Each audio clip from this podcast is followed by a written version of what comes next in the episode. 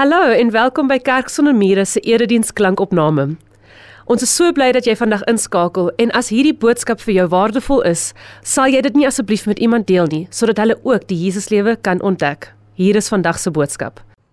Here, so baie dankie dat ons hier in u teenwoordigheid kan wees. Dankie vir elke persoon wat aanlyn inskakel. Ek bid dat maak nie saak waar in die wêreld hulle is nie, hulle werklik by 'n geloofsgemeenskap sal inskakel waar hulle U kan leer ken, saam met ander gelowiges kan groei sodat die wêreld kan sien Jesus Christus leef. En Here, waar ons vandag praat oor prioriteite, is dit regtig my gebed dat U vir ons sal kom wys hoe ons eerste prioriteit moet wees om U te ontdek in ons lewens. Ons bid dit in die naam van Jesus ons Here. Amen. So reg tussen Sefanja en Sagaria was daar 'n man met die naam van Haggai. Die profeet Haggai het 'n baie baie belangrike profetiese boodskap gebring en ek wil daaroor met jou praat vandag. Maar eers gaan ek vir jou 'n storie vertel of eintlik met jou eerder 'n metafoor deel. Ek gaan net nou 'n storie vertel, maar ek wil met jou 'n baie baie belangrike metafoor eerstens deel. Veronderstel jy het 5 balle wat jy heeltyd hier moet juggle en ek kon nie die Afrikaans vir juggle kry nie regtig. Veronderstel jy het 5 balle wat jy moet juggle. Die 5 balle is familie, geloof, vriende, finansies, werk, so juggle jy hulle almal. Veronderstel een van daai 5 balle is rubber en die ander 4 is glas. Menende as jy daai een van daai vier glasballe laat val, is hulle stikkend. Maar die rubberbal as hy val dan op hy sommer net so en jy kan hom weer in jou hande kry en jy kan weer met dit juggle. Watter een sou jy sê is die rubberbal en watter ander vier is glasballe? Kom ek sê vandag vir jou, ek dink die groot bal wat rubber is, is finansies. En partykeer werk. Dis twee dinge wat partykeer maar kan terughop. Ek het al baie getuienisse gehoor van mense wat die eendag nie 'n werk het en die volgende dag het hulle werk. Ek het al in my tye in my lewe tye gehad dat ek baie finansies gehad het en tye gehad dat ek baie minder finansies gehad het, maar daar's definitief drie van hierdie balle wat ek seker is glasballe is. Dis familie, geloof, jou verhouding met God en vriende. Daai is glasballe. As jy hulle laat val, is dit baie baie moeilik om hulle weer te kry om mee te juggle. As 'n glasbal val is hy stikkend. Dit is moeilik om te herstel. So wanneer ons kyk na ons eie geestelike lewens en wat vir ons prioriteite is, dan is ek vas reg dat die woord van God vir ons volkom leer. Die drie grootste prioriteite, die drie belangrikste glasballe, is jou verhouding met God, jou verhouding met jou familie en jou verhouding met jou vriende. En in dit alles jou verhouding met jouself. Dis glasballe daai jy moet hulle sien as uiters kosbaar. Nou die volk van God het so 'n bietjie met hierdie ene gesukkel op 'n stadium in hulle lewe. Kom ek leer vir jou die prentjie in. 587 voor Christus word die volk weggevoer uit Jerusalem uit in ballingskap.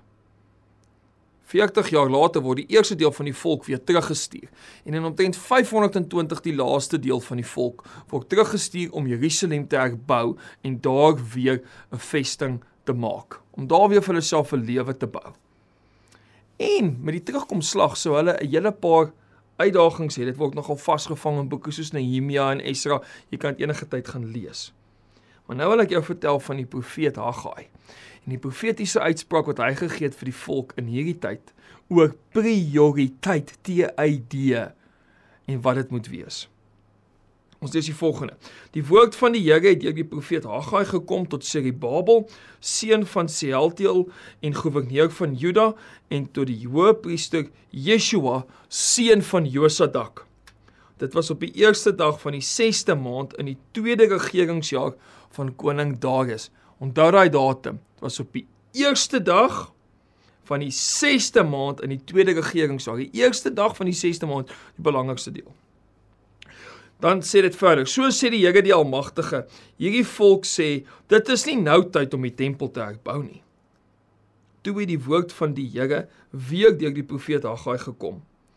Is dit nou die tyd vir julle om in pragtige huise te woon terwyl my huis in pyn lê? Daarom sê die Here die Almagtige, neem ter harte wat met julle gebeur. Pause. Staan 'n oomblik stil. Neem ter harte wat aan die gang is. So God sê vir die volk, ek sien julle is besig om julle eie huise te bou. Dit lyk mooi, dis pragtig. My huis lê nog in pyn. Ek sal net nou by iets van dit stil staan dat jy kan verstaan hoekom die volk dalk op 'n manier vreesagtig was om die tempel te herbou. Maar eers die res van die teks. Maar nou sê die Here vir hulle, ek wil julle moet ter harte neem wat met julle gebeur en dis die volgende wat gebeur. Julle het baie gesaai, maar min geoes. Julle het geëet maar nie genoeg gekry nie. Julle het gedrink maar dors gebly. Julle het klere aangetrek maar nie warm geword nie. Julle is soos 'n dagloner wat sy loon in 'n stikkende beursie steek. En dan sê hierdie hierdie wonderlike gedagte word dan afgesluit deur die Here wat sê Neem ter harte wat met julle gebeur. Gaan haal hout in die berg en ek bou my huis sodat ek my eer kan ontvang en tevrede kan wees, sê die Here. So God kom sê vir die volk, julle prioriteite is nie verkeerd nie, dis net nie heeltemal in die regte volgorde nie. Julle kan nie besig wees om net julle eie individuele lewens te herstel nie. Julle het ook 'n kollektiewe doelwit. Die kollektiewe doelwit is dat elke individu wat hier sy huisie bou, bietjie sy werk los en saam kollektief bou aan hierdie tempel. En vandag weet ons dis nie omdat God in die tempel wil bly nie maar dis 'n simbool daarvan dat die volk bereid is om hulle eie individuele doelwitte eenkant te sit ter wille van die groter doelwit van die bou van die koninkryk. Dit bly tot vandag toe 'n uitdaging in die kerk is om seker te maak dit maak nie saak hoe groot 'n gemeente is, elkeen hulle eie individuele doelwitte eenkant sit ter wille van die kollektiewe doelwit en wat dit vir die wêreld wys oor hoe God in eenheid werk. God is 'n eenheid, 'n drie-eenheid en hy wil hê sy liggaam moet in 'n eenheid met mekaar besig wees om te funksioneer. En God kom sê vir die volk, ek dink julle is bietjie besig om die punt te mis. Julle is bietjie individualisties. Elkeen probeer sy eie ding doen. Julle prioriteit is elkeen vir homself. Julle eerste prioriteit moet die kollektief wees. En dit is baie belangrik dat ons dit ook raak sien vandag as mense van kerk sonder mure. Maak nie saak waar in die wêreld jy is waar jy besig is om hierdie video te kyk nie. Jy het nodig om deel te wees van 'n kollektief wat bou aan God se koninkryk. Dis deel van jou identiteit. Moenie die geleenthede mis om dit te doen nie. Dan gebeur daar iets baie wonderliks aan die einde van hierdie teks en ek wil dit graag met jou deel want dis dis absoluut wonderlik. Ons lees die volgende. Toe het Serubabel seun van Sealtiel en die hoofpriester Yeshua seun van Josadak en almal wat van die volk oorgebly het ter harte geneem wat die Here hulle God gesê het. So God het vir hulle gesê ek wil hê julle moet ter harte neem hoekom goeders individueel nie altyd vir julle lekker uitwerk nie. Ek wil hê julle moet ter harte neem en stil staan daarby dat dit gaan oor 'n kollektiewe poging. En toe het hulle dit gedoen, hulle het gaan ter harte neem wat besig is om met hulle te gebeur. En dan kry ons die volgende antwoord. Die volgende word dan gesê: Die volk was vervul met ontzag vir die Here. Haggai, die boodskapper van die Here, het in opdrag van die Here vir die volk gesê: Ek is by julle, sê die Here. Die Here het toe vir Serubabel seun van Sealtiel en goewerneur van Juda en vir die hoofpriester Yeshua seun van Josadak en vir almal wat van die volk wat oorgebly het aangevuur en hulle die werk aan die huis van hulle God die Here die Almagtige aangepak. So God gee dan vir hulle hierdie vuur om die werk te begin doen. En hierdie laaste sinnetjie was die belangrike sinnetjie waarvan ek net nou verwys het wat opgevolg word deur hierdie een. Dit sê die volgende: Hulle het daarmee begin op die 24ste van die 6ste maand. Jy sal onthou in die begin van hierdie boodskap het ek vir jou gesê, Haggai kry hierdie woord van die Here en bring dit uit of verkondig dit op die 1ste van die 6ste maand. So op die 24ste van die 6ste maand begin hulle al met die werk. So binne 24 dae begin hulle met die werk. In daai tyd neem hulle ter harte wat met hulle gebeur. Hulle besef die profeet is reg, hulle moet luister na God en hulle begin dadelik met die werk. Ek weet nie wie van julle in die boubedryf is nie. Ek het 'n paar pel in die boubedryf en ek het al bouwerk baie rondom my gesien gebeur. En ons het bouwerk hier gedoen by die kerk nou by hier by Hippolaan kampus dat dit klap. Ons was besig geweest.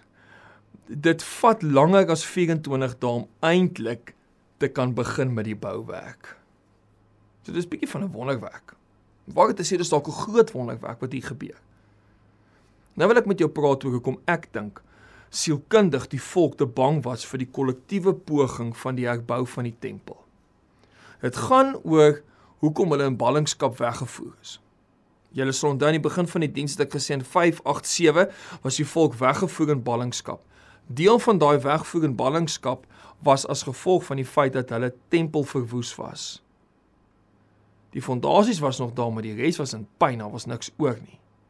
So vir die volk om nou te sê ons wil die tempel herbou, moet hulle bereid wees om hulle self te konfronteer met die trauma wat gebeur het 67 jaar voor dit. En nou moet jy weet, die mense wat op daai stadium die tempel herbou nou, 67 jaar nadat dit afgebrand en verwoes is, daai mense was nie mense wat teenwoordig was sodat afgebrand en verwoes is nie. Mense het nie so lank geleef in daai tyd heeltemal nie. Vroeger in die Bybelse tyd dalk, maar op daai stadium nie. Wat beteken hierdie was tweede en derde generasie mense wat teruggekom het uit die ballingskap uit wat die stories gehoor het oor hoe die tempel verwoes is. En dan is dit ja, ek onthou wat hierdie gedoen het aan my oupa en ouma dis bietjie moeilik. En dan sê God, wat gaan hy doen? Ek gaan saam met julle gaan om die trauma te herstel. Miskien is jy vandag in jou eie lewe op 'n plek waar jy voel Gerrit, ek het 'n glasbal laat val in my lewe. En ek weet nie, ek het gedink my verhouding en my huwelik is 'n rubberbal. Ek kan maar disrespekvol wees teenoor my man of my vrou, kan maar doen wat ek wil. Die bal sal hop en toe kom jy agter, wow, die bal het nie gehop nie, hy het gebreek. Hy het gebreek dan kom sê God vandag vir jou geen bal is so glas dat ek jou nie kan help om die skerwe bymekaar te maak en heel te maak nie. Begin by God. Miskien dink jy vandag jou finansies is 'n glasbal wat geval het. Jy weet nie waar om te begin nie. Begin by God. Begin by God. God sê vir ons wanneer ons moet gaan na traumatiese plekke toe waar ons seer gekry het waar die volk moes teruggaan tempel toe en dit herbou ter eer en verheerliking van die Here om sê God maar ek sal saam met julle die pad stap Maar dan moet dit vir jou 'n prioriteit wees. Dan moet dit vir jou TID wees. Jy moet fisiese tyd eenkant sit om te prioritiseer om te herstel wat baie keer gebreek het. Ek wil vir jou 'n goeie voorbeeld gee van 'n storie van 'n koning. Die storie word vertel van 'n koning wat besluit het hy wil graag sy land bemagtig om regtig hulle doelwitte te bereik. Hy het seker gemaak die banke en al die infrastruktuur is gerad teenoor die mense toe dat hulle geleenthede kan hê om regtig te kan groei en te kan ontwikkel. Uit eendag het hy saam met 'n skoolmaatjie van hom wat ook in die adelstand was, het hulle bietjie saam geëet die oggend vroeg. En sy skoolmaatjie was so 'n bietjie van 'n pessimistiese ou, maar hy het ook uit die adelstand gekom, maar hy was bekend as iemand wat nie sy geleenthede vat nie. En hy sê toe vir die koning, hy is so oorwerk en hy is so moeg en hy is so flou en hy is so al hierdie dinge. Die koning sê vir hom, ons ek en my paleis het alles daar gesit vir julle om julle doelwitte te kan bereik as mense. Dit gaan goed met die koninkryk. Sê nee, maar eintlik ja, hy het nie genoeg geld nog steeds nie. Sê die koning vir hom die volgende. OK, gaan met jou wetenskap aan. My skatkamer is tot jou beskikking. Jy kan gaan haal wat jy wil. Tot vanmiddag 5:00 toe wat die son begin sak, kan jy enigiets in die skatkamer gaan haal wat jy wil. Wow, en hy het gedink dis absoluut ongelooflik. Hy het sommer dadelik sy pelle gebel en gesê: "Weet julle wat die koning het sy skatkamer vir my oopgestel. Ek kan regtig in die skatkamer enigiets gaan haal tot vanmiddag 5:00 toe. Kom vier fees saam met my. Hier in die restaurant. Ek treat julle. Ek gaan die skatkamer later vandag kry. So weet julle wat? Kom ons vier fees. Kom ons geniet dit." Ja, en hulle het begin feesvier en hulle het geëet en gedrink en gekuier en die koning het vir hom gesê onthou jou tyd hardloop uit. Ek weet jy vier fees hoe dit wat jy gaan kry, maar jy was nog nie daar nie. Jy moet bietjie prioritiseer en hy het gesê, "Dis oukei, okay, ek het nog tyd." Ek het nog tyd en hy het gekuier en lekker 'n vroegmiddag toe sy moeg en toe besluit hy gaan dalk net so 'n bietjie van 'n slaapie vang en toe hy wakker word toe dit al son al amper besig om te sak en hy het gehardloop na die paleis toe toe hy by die paleis kom toe sê ek ek klaar toe die son het gesak skatkamer was vir hom nie meer beskikbaar nie. Sien hy het 'n prioriteit gehad, maar hy wou nie die TID insit in dit wat 'n prioriteit is nie. Skielik toe hoor hy sy vriend die koning wat agter hom sê: "Jy gaan moet leer om te prioritiseer." Dis dieselfde met my en jou geestelike lewens. Dis dieselfde met ons lewens in die algemeen. Ons het nodig om dit wat belangrik is te koppel aan 'n sekere hoeveelheid tyd. As jou huwelik vir jou 'n prioriteit is, maak daarvan 'n prioriteit. As jou kinders vir jou 'n prioriteit is, maak daarvan 'n prioriteit. Maak seker jy kom by dit uit. Jy kan al die geleenthede hê om te kan uitgaan en 'n wonderlike lewe te hê en werklik die Jesus lewe te gaan leef, maar jy gaan dit moet vat. Kerk sonder muur is ons 'n gemeente wat geleenthede wil gee vir mense om te bedien, maar dit moet vir jou 'n prioriteit wees. Ook in hierdie Paas tyd, in lydingstyd waarin ons nou is, moet dit vir jou 'n prioriteit wees om geestelik te groei.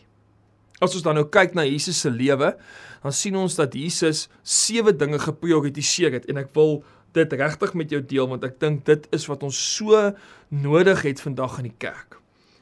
Die eerste prioriteit wat Jesus gehad het wat ons kon sien tydens sy tyd op aarde was, hy het die Vader gesoek. Prioriteit 1 vir hom is hy soek die wil van die Vader. Wanneer hy vir sy disippels in Johannes verduidelik hoekom hy aarde toe gekom het, dan sê hy dis om die Vader te verheerlik met wie ek een is. Hy prioritiseer die Vader, sy verhouding met sy Vader. Ons sien gereeld in Markus, Lukas en Matteus evangelies dat Jesus wegbreek vir tyd TID saam met sy Vader, want dit is vir hom 'n prioriteit. Die tweede ding wat ons sien is Jesus aanvaar uitgeworpenes, mense wat eenkant geskuif is, mense wat nie goed genoeg is vir samelewing nie. Jesus prioritiseer hulle. Hy maak seker hy kom regtig by mense uit wat werklik werklik eenkant gesit is. Hy gaan soek die malaatses en hy genees hulle. Wanneer daar siekes en krepeles oor sy pad kom, is dit 'n prioriteit vir hom om seker te maak daardie mense word versorg en word genees. Wanneer hulle 'n man deur die dak laat sak in die huis van Petrus waar Jesus spreek in Markus 2, dan as hierdie man deurkom dan dan sê Jesus vir hom jou sondes is vergewe. Hy sê vir hom jou sondes is vergewe. Wat is my makliker om te sê jy's genees of jou sondes is vergewe? Jesus doen albei vir daai man. Mense wat eenkant geskuif is, word vir Jesus dadelik belangrik. Hy prioritiseer hulle. Die derde ding wat ons sien is Jesus herstel mense se lewens wat gebroke is. En hier is vir my geen beter voorbeeld as die verhaal van die man wat na Jesus toe kom en sê my seun val heeltyd in die vuur. Hy hy kry aanvalle en dan land hy in die vuur en daar's 'n demoon binne hom en die demoon is besig om sy lewe te ruïneer. Daai pa is gebroken want hy sê dis sy enigste seun en daarmee probeer hy eintlik sê is Here Jesus, wie gaan na my gesin kyk na ek dalk oorlede is? Hierdie seun van my kan dit nie doen nie. Hy is in staat om dit te doen. Hierdie ou se lewe is eintlik gebroken. Jesus prioritiseer dit. Daar's my nog 'n mooi voorbeeld. Dis die verhaal van Jesus wat op pad is na die dogtertjie van Jairus om haar te gaan genees. En dan skielik raak iemand aan hom in die skare en dan voel hy krag uit hom uitgaan. Hy voel iemand het iets by hom gesoek en hy kon dit gee, maar hy wil verstaan hoekom, wie was dit gewees? En dan vra iemand het aan my geraak en dan sê die disippels wel hier's baie mense, toe sê die Here, "Uh, hier's iemand spesifiek." En dan sê hy die vrou wat al jare lank aan bloedvloeiing ly, wat eintlik 'n gebroke lewe het. Jesus prioritiseer daai oomblik. Hy sê nie ag wel, nie, iemand het dalk nog genesing gesoek kom ek gaan aan Jairus toe nie of na die dogtertjie van Jairus toe nie. Hy stop, hy soek daardie persoon, hy spandeer tyd saam met daardie persoon wanneer 'n vrou na hom toe gebring word want hy wil haar met klippe doodgooi omdat sy op oorspel betrap is, dan prioritiseer Jesus daai vrou tot so 'n mate dat na die hele verhaal afgespeel het en almal weg is, nadat Jesus vir hulle gesê het: "Julle wat sonder sonde stel die eerste klippe op." Nou hulle almal weg is, dan prioritiseer Jesus daardie vrou nog steeds want sy bly stak in daai oomblik, sy staan daar. Dan prioritiseer hy daai oomblik en hy vra vir haar: "Waar is hulle almal nou heen?" Hy prioritiseer mense wat gebroke lewens het. Die vierde ding is Jesus konfronteer mag. Hy prioritiseer dit om nie weg te bly van mense wat magsmisbruik pleeg nie. Hy vat die fariseërs aan wat hulle magsmisbruik, wat hulle mag misbruik. Wanneer Herodes sê, "Julle moet vir Jesus na my toe bring" en die boodskappers kom en sê Herodes wil jou sien, dan sê hy vir die vir die boodskappers, "Sê julle vir daai jakkals, Jesus staan op teen mag. Hy prioritiseer dit om mag te konfronteer en te sê, "Maar dit is die wil van die Vader. Dis die koninkryk." wanneer hy voor uh Herodes Antipas staan en wanneer hy voor Caiaphas staan, die hoofpriester op verskillende tonele net voor sy kruisiging, dan dan konfronteer hy nog steeds mag deur te sê maar ek is die seun van God. Dis die waarheid. Is nie bang om dit te doen nie. Jesus prioritiseer dit om mag te konfronteer. Die vierde een of die vyfde een is Jesus prioritiseer dit om ander te dien. Hy maak 'n punt daarvan om sy disippels se voete te was en dan sê hy vir hulle: "As julle my nie toelaat om hierdie te doen nie, dan gaan julle dit ook nie kan doen nie." Julle moet my toelaat om hierdie te doen. Maar nou Petrus sê nee, Here asseblief, jy kan nie my voete was nie. Ek is dit nie waardig nie. Dan sê die Here, kom ek doen dit vir jou. Want dan het jy deel aan my. Daarom wil ek vandag vir jou sê, jy het nodig om ander te dien, 'n prioriteit te maak in jou lewe. Die sesde ding wat ons sien is Jesus is konstant besig om mense te bemagtig. Hy prioritiseer dit om ander te bemagtig. Hy sê vir mense, ek wil soos die Vader my gestuur het, stuur ek julle ook uit. Ons lees gereeld in Markus en in Matteus, Jesus stuur die 12 uit, hy stuur die 72 uit. Hy bemagtig hulle. Hy sê vir hulle, dieselfde dinge wat ek gedoen het, sal julle ook doen en nog groter. Hy bemagtig. Hy's konstant besig om mense te bemagtig. Dis vir hom 'n prioriteit. Wanneer die disippels weer nie verstaan nie, dan raak hy 'n bietjie gefrustreerd, maar dan sê hy kom ek verduidelik julle weer hoe werk die koninkryk. Maak dit nou vir julle sin. Die sewende ding en dit is vir my so pragtig en ek sluit af met dit is. Jesus prioritiseer dit om God se woord te verklaar vir die mense van daai tyd. As jy net gaan kyk na Matteus 5 tot 8, die bergprediking, dan is Jesus eintlik besig om die woord te herinterpreteer vir die mense van daai tyd sodat dit sy volle betekenis kan kry in Jesus Christus. Dan sê hy vir hulle, julle sou gehoor het in die ou tyd dat daar gesê word, 'n oog vir 'n oog en 'n tand vir 'n tand, maar ek sê vir julle, julle moet julle vyande lief hê. Dis Jesus wat die verkondiging van God se woord 'n prioriteit maak. Om die waarheid te sê as ons kyk aan die begin van die evangelies dan word hy dadelik die boekrol gegee en dan lees hy uit Jesaja uit. Hy's konstant besig om die woord te interpreteer wanneer mense na hom toe kom en vir hom sê jou disippels het op die Sabbatdag koringare opgetel. Dan herinterpreteer hy die woord deur te sê stop die lorry, het Dawid nie op die Sabbatdag ingegaan in 'n sekere tempel en koringare gaan kry en vir sy mense gegee nie. Hy was nie in die moeilikheid nie. Hoekom moet hulle in die moeilikheid wees? Jesus prioritiseer God se woord en om dit werklik te verstaan. En ek en jy kan dieselfde doen. So my gebed vir jou vandag is dat jy hierdie sewe dinge wat Jesus geprioritiseer het, ook sal prioritiseer in jou eie lewe wanneer jy besig is om met daai glasballe wat so belangrik is in die lig te hou. En ook dat jy sal weet dat die kere wat jy besef, ek het nou 'n glasbal laat val dat jy na die na die God van hemel en aarde toe kan gaan en sê Here asseblief kom hou my vas soos wat u die volk vasgehou het toe hulle die tempel moes herstel het. Kom hou my vas as ek nou hierdie herstel moet doen in my eie lewe. Kom ons bid saam. Here, dankie dat ons kan leer uit u woord oor hoe om dit te prioritiseer wat vir u belangrik is. Ons sien Here dat U ons roep om kollektief as 'n groep en as 'n geheel die opbou van die koninkryk te prioritiseer en dan kom gee U vir ons goeie raad deur die lewe van U seun oor hoe ons dit moet doen. Help ons om hierdie sewe beginsels dan uit te leef ook. En ons bid dit in die naam van die Here Jesus Christus. Amen.